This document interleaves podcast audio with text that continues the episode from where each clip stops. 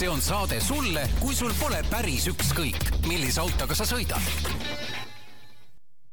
auto vahetamine võib olla tükk tegemist, aga mitte ideaalautos. meie suures müügisalongis on esinduslik valik garantiilisi, vähekasutatud autosid. ideaalauto, kõik, mida vajad, on siin. autod, rehvivahetus, kakskümmend neli seitse autopesu, keretööd.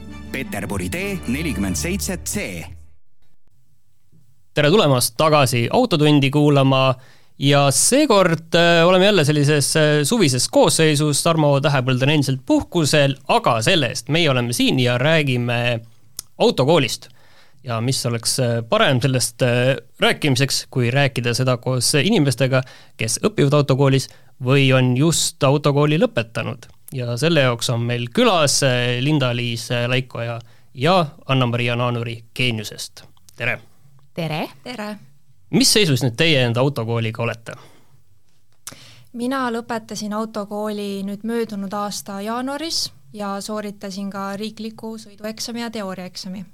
kui ma saaks euro iga kord, kui keegi küsib seda minu käest, ma arvan, ma oleks miljonär.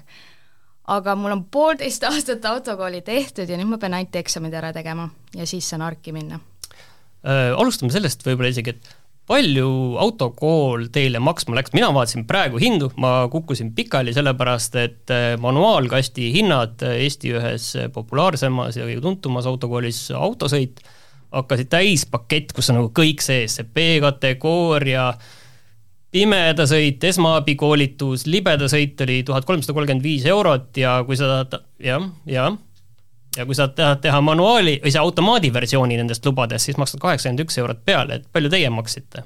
no kindlasti mitte nii palju, sest et siis ma oleks võib-olla mõelnud, kas ma lähen sinna, kas neid lube on üldse vaja äh,. Mul oli pakett, kus ei olnud sees eraldi libeda sõitu ega pimeda sõitu ega esmaabi, see oli kuskil äkki kaheksasada, võib-olla natuke peale nüüd libedasõit ja need tulevad ka kuskil, ma pakun kakssada noh, kompotina mm. kokku siis veel peale, aga noh, see on tuhat, tuhat kolmsada läks ikka jah, on nagu kallis. riigilõivud tulevad veel ka, kui ühel hetkel load peaksid saama, aga Anna-Maria, sul, mäletad?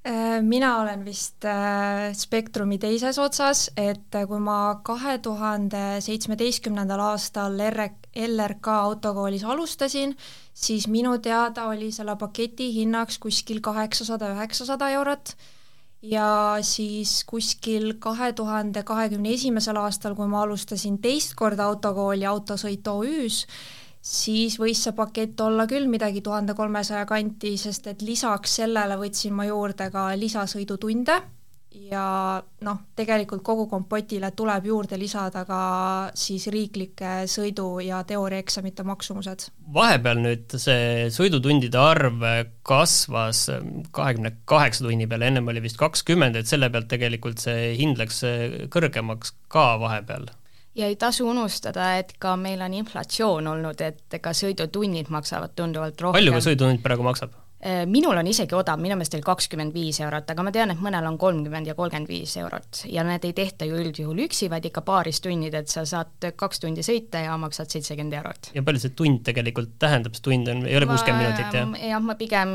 on nelikümmend viis minutit siis mm. -hmm. aga kas te tegite nüüd, ma tean, minu seltskond, tutvusseltskonnas oli nagu hästi suur teema, kui tulid need automaadiload, et sa saad neid eraldi teha ja siis oli, kõik olid, et mis mõttes sina lähed, teed automaadilube. et muidugi pead tegema ikka manuaali omad, see on ikkagi niiviisi, et kuskil olete sõpruskonnaga metsas, sina oled ainuke kaine ja kellelgi juhtub midagi ja seal on ainult üks auto, sellel on manuaali, manuaalkast ja siis sa ei saagi sellega sõita ja selle inimese elu päästa, et kumma valiku teie tegite? minul on manuaal aga, aga ma arvan, et kõik saavad sõidetud, noh, natuke harjutamist vajab iga autoga, see ei ole mingi küsimus, aga see tüli ja vaidlus selle nimel, kumb parem on, on ikka, ikka päris rets, ma ütleks no isegi mitte nagu kumb parem on, et kumba sina peaksid tegema, aga noh, see ongi, kui me tulevikku vaatame, et see manuaalkast on nii koduvasi tegelikult, et aga et, et sina peaksid ikkagi tegema manuaaliload, sellepärast et see on ju õige, õiged juhiload. aga Anna-Maria?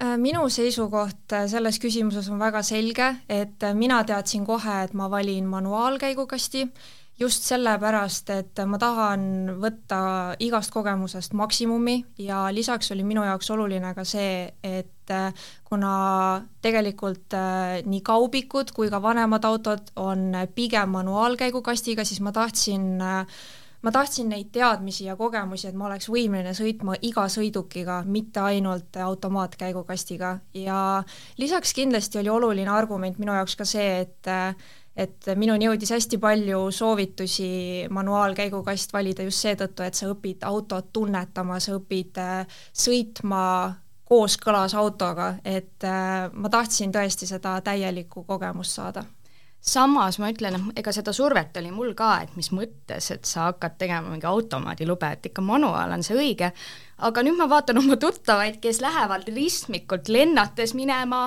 kellel on väga sujuv sõit, ei ole mingeid konnasid seal vahepeal, et äh, see on nii nõme tüli selles mõttes, et eks iga inimene võtab ju enda tunnetuse järgi seda, kuidas, mis ta tahab autolt, aga noh, lihtsam on kindlasti minu meelest äh, selle automaadiga sõita.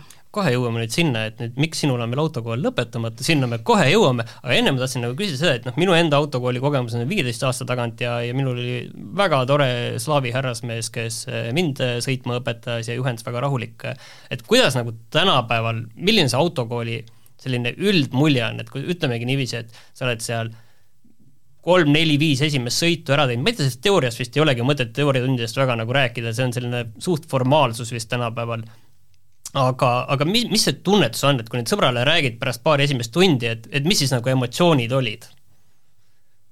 ma saan aru, et jah, Anna-Mari, sina said seda kaks korda teha, et jaa, et minu kogemus on nii Viljandi kui Tallinna autokoolide põhjal, et äh, ma arvan, et suurim erinevus on äh, pigem nendes inimtüüpides, kellest saab sõiduõpetaja, et mina olen kohanud kahte tüüpi, esiteks on väga ranged ja pigem sellised vanakooli õpetajad, kes äh, soovivad, et äh, sa saaksid võimalikult kiiresti materjali ja autotunnetuse selgeks, küll aga on see väga individuaalne.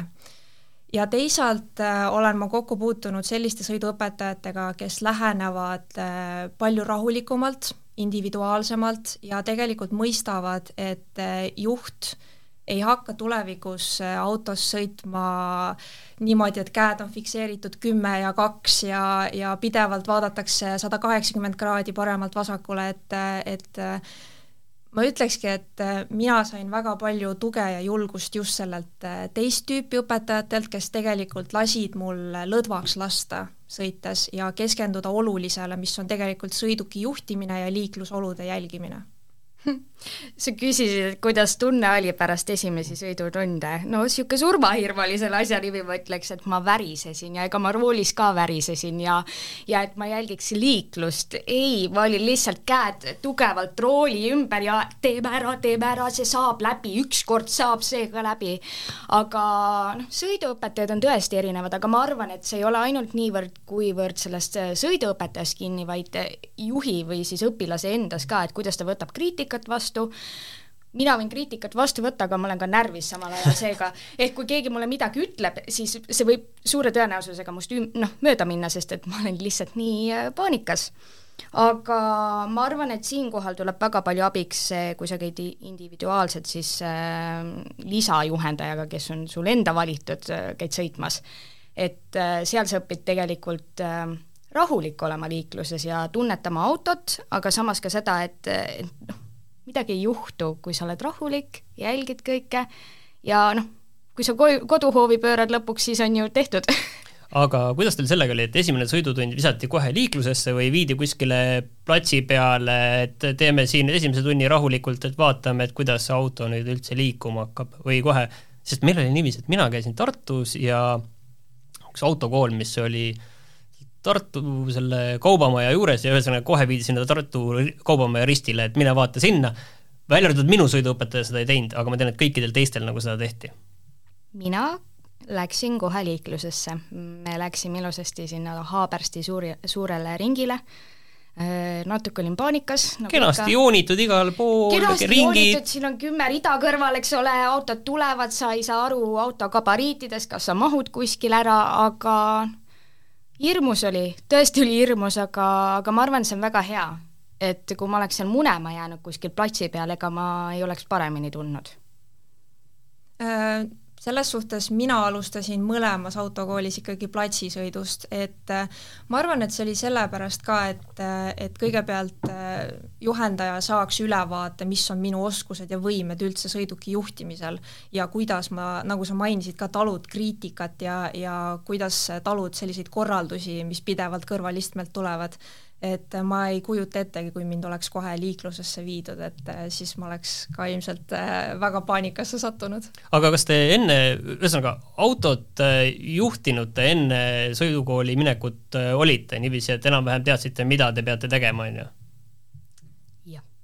nii ja naa, ma ütleks selle peale. et, et siin ongi tegelikult see küsimus, et kuhu ma tahtsin jõuda, on see, et kas see kakskümmend kaheksa sõidutundi, et kas see on piisav või ei ole, et autokoolid räägivad pidevalt, et poolte inimeste jaoks see ei ole piisav, eriti siis, kui nüüd seda tõsteti mingi paar aastat tagasi, et see ei ole piisav no see on väga individuaalne, ma arvan, aga kakskümmend kaheksa tundi liikluses ja eeldada, et sa oled äh, supersõitja, on natuke noh, liig.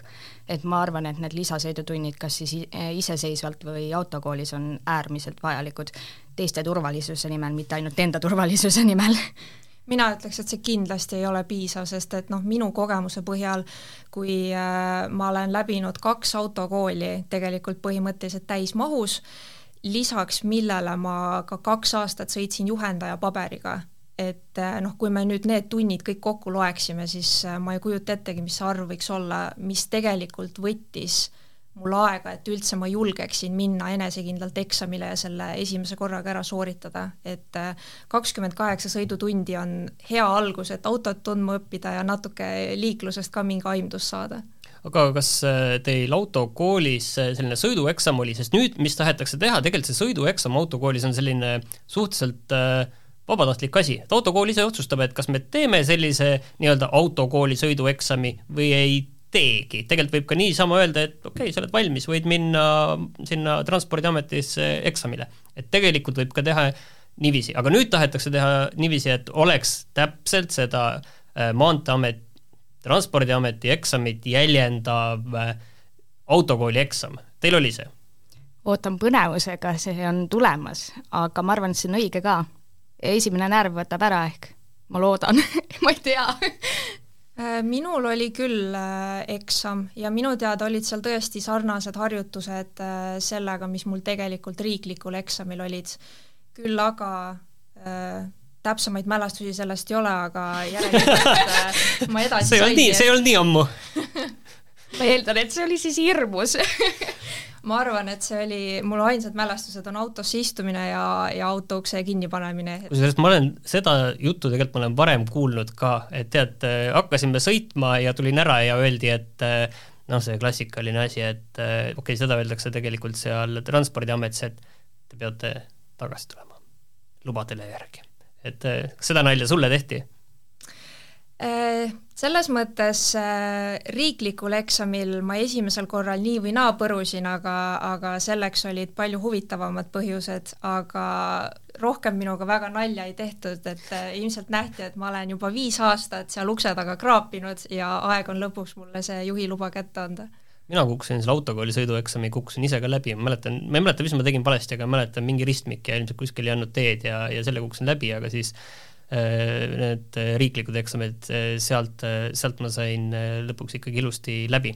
siin mõned kuud tagasi tegelikult me Tarmoga rääkisime siin ka sellest, et et küll need sõiduõpetajad ikka on ikka ebameeldivad ja halvad ja küll nad ikkagi annavad selliseid segaseid käsklusi, et sõida sinna, siis sealt sinna ja kui ta ütleb, et näiteks sõidame noh, meil toimetusest äh, Volta üks, et sõidame nüüd siit Kristiine keskusesse, siis ta endal on peas mingi marsruut ja kui õpilane läheb natuke mööda teist marsruuti, siis on kohe oi-oi-oi-oi-oi, kuidas miks sa siit pöörasid, et kuidas see, kuidas see on, et nendest, mida õpetaja tahab, kui selged nad on selles, äh, väljenduvad nad selgelt ja arusaadavalt?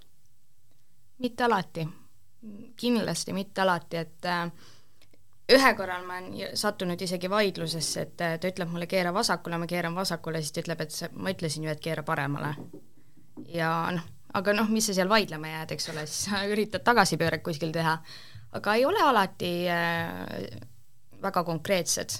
aga ilmselt on see nii-öelda tööhaigus, kus sa arvad, et sa oled väga konkreetne, aga sa oled kakskümmend aastat seda asja teinud ja siis sa ei ole lihtsalt väga konkreetne. iga päev seda teed, siis sa enam ei mäleta, kas sa ütlesid nüüd vasakule või paremale, et mitte. midagi sellist. ja kui sul päevas käib mingi kolm-neli inimest ka läbi sealt, kui mitte viis, siis see on ikka, see on ikka hämmastav kogus, kus sa tunned, et kas ma jään ellu või ei jää.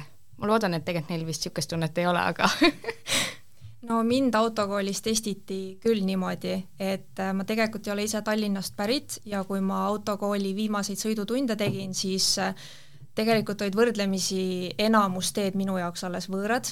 Ja sõiduõpetaja väga tihti ütles, et nii, nüüd äh, sõidame näiteks Nõmmele sinna aadressile ja minu ülesanne oli siis tegelikult jälgida mitte ainult liiklust, liiklejaid ja siis enda tegevust sõidukis sees, vaid lisaks siis noh, vaadata ka märke, vaadata su-, noh, neid suunaviiteid, et äh, ma ütleks, et see lisas väga palju pinget, sest et äh, sa pead teadma ka, mis reas sa oled tänu sellele, sa pead pidevalt hoidma pilku üleval, kus on siis enamasti sellised suuremad suunanäitajad.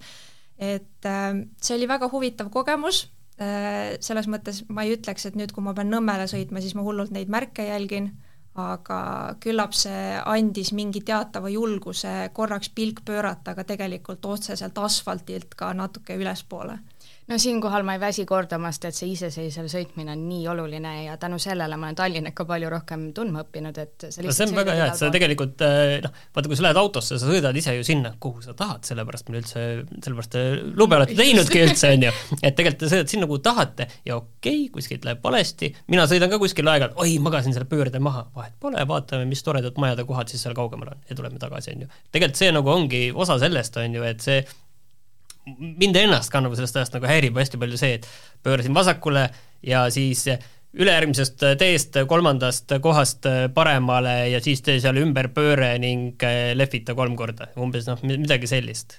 sellega seoses tuleb mul väga hea niisugune esimene kogemus, ma ei mäleta, mitmes sõidutund see oli, pakun mingi kolmas-neljas, võib-olla oli natuke rohkem, aga ma sattusin avariisse Nõmmel mitte minu süü tõttu, olgu ruttavalt öeldud, aga seal on ka niimoodi, et märgid on ette antud ehk rea, sa tead täpselt, kus reas sa olema pead. ja siis mina sõidan, ma arvan, et see on Vabaduse puiestee, ma võin nüüd väga vabalt eksida. see juhul on seal? see on seal, aga see ei pruukinud olla see tee, ühesõnaga ma sõitsin otse ja siis kõrvalt tegi üks auto vasakpööret ja tal on, tegelikult ta oleks pidanud minu kõrval ritta minema. aga ma ei tea, mis valearvestus äh, sellel tädikesel oli, aga ta sõitis mulle küljelt sisse. no see on jah, kõige raskem asi, mida vältida, et tegelikult isegi nagu seda on raske nagu ette näha, et keegi just äh, kirjutas, et, äh, et avariis osalemiseks on vaja ikkagi kahte lolli et ühte, kes avarii teeb ja teist, kes ei näinud seda tulemas, teise viga, on ju, aga selline keegi külje pealt vajub sisse, et sellega nagu tõesti ei ole nagu mitte midagi teha ka. ta ei vajunud justkui küljelt sisse, ta tuli otsejoones mulle Aa. külge, mis oli mu lemmik, ma nägin tegelikult aknast, et ta tuli ka, aga mu ees oli auto, mu taga oli auto mm., ehk ma ei oleks mitte kuskile pääsenud. aga lihtsalt äh, see ehmatus, mis mul oli pärast seda, oli nagu siis ma mõtlesin küll, et ma ei tea, kas neil lube on nagu vaja. ei olnud nagu üldse suur pauk ega midagi, aga, aga ikkagi mõtlema pani. ja siis ma mäletan, et me noh, täitsime need paberid seal ära, et proua oli Ukrainast pärit, täiesti arusaadav, et noh, ei, ei tunnegi linna. täitsime need paberid ära ja siis istusime autosse ja siis juhendaja küsis mu käest, et noh, tahad veel sõita või? Ma siingi, ei, mul vahet ei ole. ja siis läksime edasi Nõmmele sõitma, aga saime tehtud ja eks see närv oli sees, aga ma arvan, et see oli väärt kogemus lihtsalt. üks äh, teist laadi küsimus on veel, et äh, okei okay,, et sa ei ole tegelikult autokooli lõpetanud, aga sa sõidad äh, eraldi endal õpetajaga, mm, et äh, mis on nagu see kõige olulisem või tähtsam asi, mis tegelikult või ta ei pea isegi olema kõige olulisem või tähtsam, sellepärast et minul on hoopis teist laadi asi, mis on mul autokoolist meelde jäänud, aga mis on see mingi õpetus, mis on nagu päriselt megakasulik ja mis on jäänud nagu kogu aeg sinuga edaspidi kaasa? ma saaks äh,, nii? ei, ma lihtsalt nagu enda asja, ma tahan kohe näiteks ära tuua, et saaksite aru, et see on hoopis nagu natuke teistsugune asi, aga aga autokoolis õpetatakse, et kui sõidad üle raudtee, siis vaata vasakule ja paremale. Mina nagu täiesti automaatselt igal pool vaatan, täiesti suvaline tee on ju kõik äh, need, äh, mm, see latt on üleval, on ju, fooris ei põle midagi, kõik, ma ikka vaatan mõlemale poole ja siis veel check in nagu seda poolt, kus ma esimesena vaatasin, sinna veel double check in korra ja see on nagu täiesti automaatne, ma ei saa midagi nagu teha ja ilmselt see on nagu väga mõistlik, et ma seda teen, aga see, see on mulle nagu autokoolist jäänud nagu täiesti raiutud kuskile seljajusse, selline asi. ma saaks sellele küsimusele vastata kahtepidi, et äh, selline äh, arukas vastus on see, et autokool jättis mulle väga kustumatu mulje sellest, et äh, sul peab olema kompleksne tähelepanuvõime, sa pead olema suuteline äh, vaatama viit erinevasse kohta korraga ja sul peab olema otsustusjulgus äh, reageerida võimalikult kiiresti teisalt äh, kunagi üks minu tuttav, kes äh, siis äh, mind õpetas tegelikult juhendaja paberiga seoses sõitma, ütles mulle kunagi niimoodi, väga lihtsas eesti keeles, kui sa teed vasakpööret, siis sa pead teed andma kõigile, kes sulle ette jäävad. ja see on tõesti midagi, millele ma mõtlen väga tihti, sest et see on nii õige ja nii lihtsalt sõnastatud, et äh, noh, sest vasakpööret tehes tegelikult ju neid variante, kust sõiduk võib sulle ette sõita, on nii palju, aga kui sa mõtledki, kõik, kes mulle ette mm. jäävad, need ma pean läbi laskma. väga hea. issand jumal, praegu on küll tulnud nagu kogu see sõit on üks asi, mis meelde on jäänud. aga ma arvan, et minul on pidurdamine hästi selline, et ma vaatan alati kohe taha vaatepeeglisse. et et Tallinnas on tihti see, et sa oled kuskil liikluses ja sul hakkab juba kollane vilkuma ja juba tuleb punane ja mõnikord peab lihtsalt andma natuke gaasi, et sa lähed eest ära, sest et kui sa teed selle äkkpidurduse, siis on jälle ahelavarii. jah, sest kaks tükki taga vaatavad ka veel, et see on ju päris oranž veel. jah, just, et äh, ma arvan, et see on üks see asi, mida ma kogu aeg jälgin ja teine asi, see on hämmastav, kui ettevaatlikuks ma olen läinud teistega sõitmisel, ma jälgin, hakat-, hakatakse pööret tegema või hakatakse reastuma, ma vaatan kaasa. ma ei usalda ühtegi juhti enam, ma vaatan kaasa ja siis ma hoian kogu aeg sellest ukselingist või sellest ka kinni, sest et mul on tunne, et teine auto läheb liiga lähedale hoia pikki vahet, palun. ja need on niisugused mingisugused asjad, mida ma kogu aeg jälgin ja tegelikult ajab naerma, aga ma kujutan ette, et mul see juht, kes mul seal kõrval on, võib päris närvi minna lõpuks. sest et kui, kui ma, ma teen häält ka, ma teen mingit niisugust veidrat sötaküta häält, kui ma tunnen, et läheb ohtlikuks, siis ta mingi mis, mis, mis, aga ma arvan, et see on parem kui karjumine nii et Parem, siin on jah. nagu tasakaal kõrvaljuhtija istmel või noh, kõrvalistmel olete, siis seda reaktsiooni veel ei ole, et tahate pidurit vajutada teinekord või? Ikka on, ikka on, aga ma olen nagu aru saanud sellest, et mina vihkan, kui inimesed, kui mitu inimest korraga mind õpetavad. see on nagu see, et ma käisin sõitmas ja siis äh, harjutamas. Ja siis äh, mul oli ema ka korraks tagaistmel. Ja siis oli, kõrval oli äh, siis juhendaja ja mõlemad korraga lihtsalt mõlemad korraga hakkavad targutama ja siis ma lähen küll välja, kõik välja! Et seda infot ja kõik eri, õpetavad ju eri moodi ka. kõigil on mingi oma tarkus, kuidas tegema asju peab ja siis sa üritad sellest mingise selle kuldse kesktee võtta, et sellepärast ma olen nagu aru saanud, et ära õpeta teisi, kui sa ise ka ei oska. Sellega seoses mul tuli meelde, et eh, minul olid naljakad lood, et eh, ütleme niiviisi, et see slaavi härrasmees, kellega mina sõitsin, et teinekord äh, tal proua helistas, et teda on vaja kuskile viia mm. -hmm. ja siis me viisime teda aeg-ajalt kuskile, oli vaja viia Sepa turule Tallinnas või seal Tartus või tagasi tuua ja mida iganes, on ju, eks võib-olla teine õpilane siis tõi tagasi.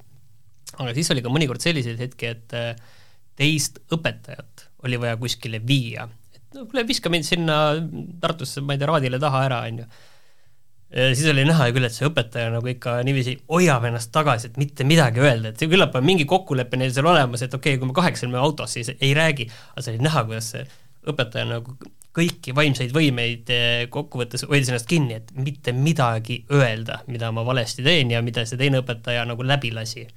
et see oli väga mõnus, kui on kaks inimest peal, isegi siis, kui ainult üks õpetab. jah, ma arvan, et et, äh, et kui üks õpetab, teine on vait, siis on see parim kombo.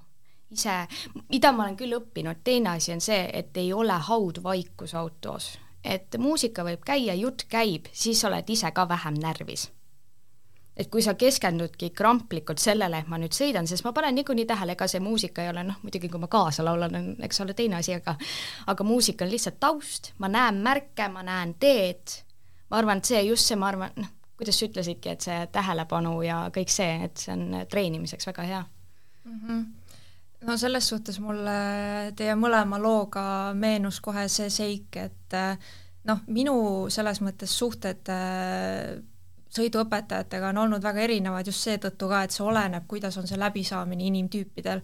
et mul lihtsalt meenus, et mul olid väga positiivsed sõidutunnid äh, peale seda, kui sõiduõpetaja pidi mind peale võtma ja ma istusin ta autosse, aga tal oli parasjagu jäätise söömine pooleli ja siis muusika mängis, tema sõi jäätist ja mina istusin vaikuses ja peale seda olid meil väga selles mõttes äh, ägedad sõidutunnid, sest et kohe see jää oli murtud kahe inimtüübi vahel ja, ja me kuidagi noh, ei olnud enam seda kramplikku käskluste andmist, vaid pigem selline sõbralik äh, suhtlus õpilase ja õpetaja vahel.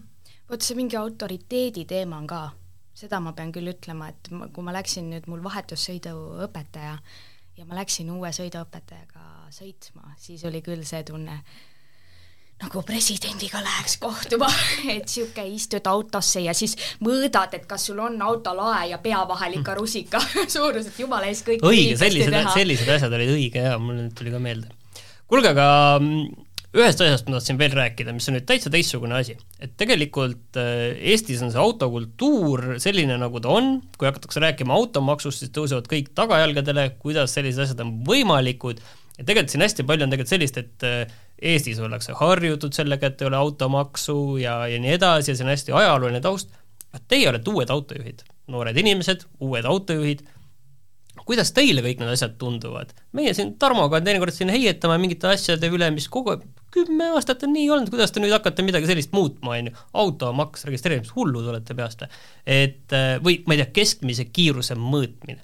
kuidas teile need uued asjad nagu teile tunduvad, kas need tunduvad nagu sellised normaalsused, mis nüüd lihtsalt tulevad kuidagi lihtsalt ja või ma ei tea arvestasite sellega, et teete load ära ja siis tahate endale seda autot osta ja siis hakkate maksma veel seda automaksu ja noh, tuhat, kaks tuhat, midagi sellist veel äh, registreerimistasu ka, kui tahate uut autot osta. no mul on auto olemas, et see on nagu suur eelis. väga kaval, väga kaval, aga maksu hakkad ikka maksma? maksma, äh, makse pean ikka maksma, aga ma arvan, et see on loogiline, nagu praeguses maailmas see on elementaarne, et me maksame asjade eest. me maksame poes toidu eest ka, et nagu ma arvan, et see automaks ei tapa meid ära, me oleme teinud valiku, et sõita autoga, maksame siis, kui teised riigid saavad sellega hakkama, miks meie ei saa. ja teisalt jääda kinni sellesse, et oli kakskümmend, kolmkümmend aastat tagasi oli parem aeg. no siis oli Nõukogude Liit ka, aga see ei olnud ju parem kakskümmend, kolmkümmend aastat tagasi kasutatud ka talverehve, saime sõidetud küll, räägivad need, kes ellu jäid. just, räägi, rääkides turvalisusest, eks ole, et äh, ma arvan, et äh, uuendused ka maksude näol, see on elementaarne asi ja ma arvan, et see on ajaga kaasas käimine, mis võiks ju, noh, see toob meie riigile tulu, mis noh, miks me vaidleme selle teemal. jah, ma saan aru, et seal on need mudeleid, kuidas seda arvutada, on erinevaid praegu, keegi ei tea täpselt, mida oodata, aga ma arvan, kui see päriselt kohal on, siis inimesed harjuvad sellega ära. või lähevad protestima, aga noh, head teed neile äh, mul on raske mingit arvamust äh, sel teemal moodustada, sest et äh, noh, mul on kahe tuhande kaheksateistkümnenda aasta auto, mis on ostetud esindusest ja minu kasko ja liikluskindlustuse maksed on sama, mis minu liisingumaksed.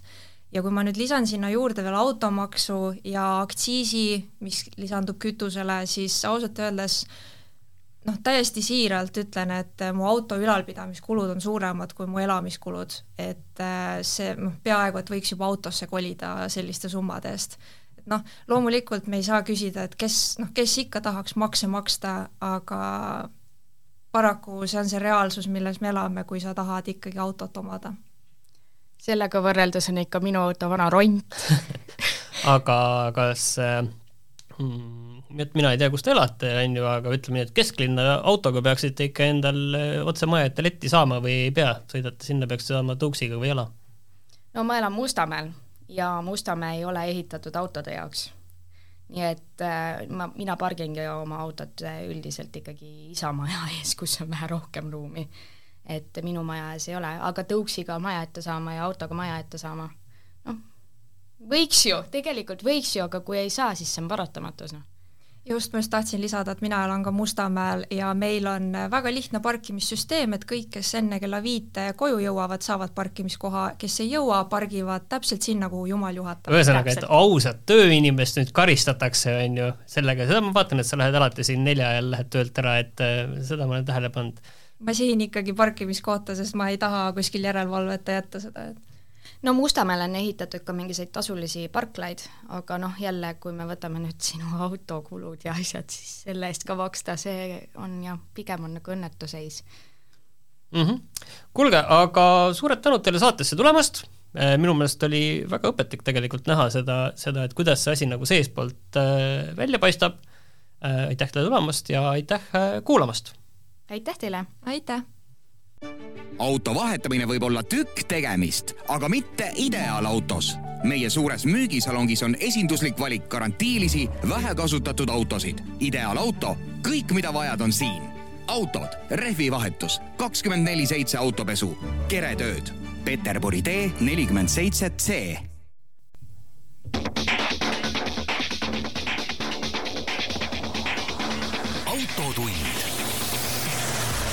see on saade sulle, kui sul pole päris ükskõik, millise autoga sa sõidad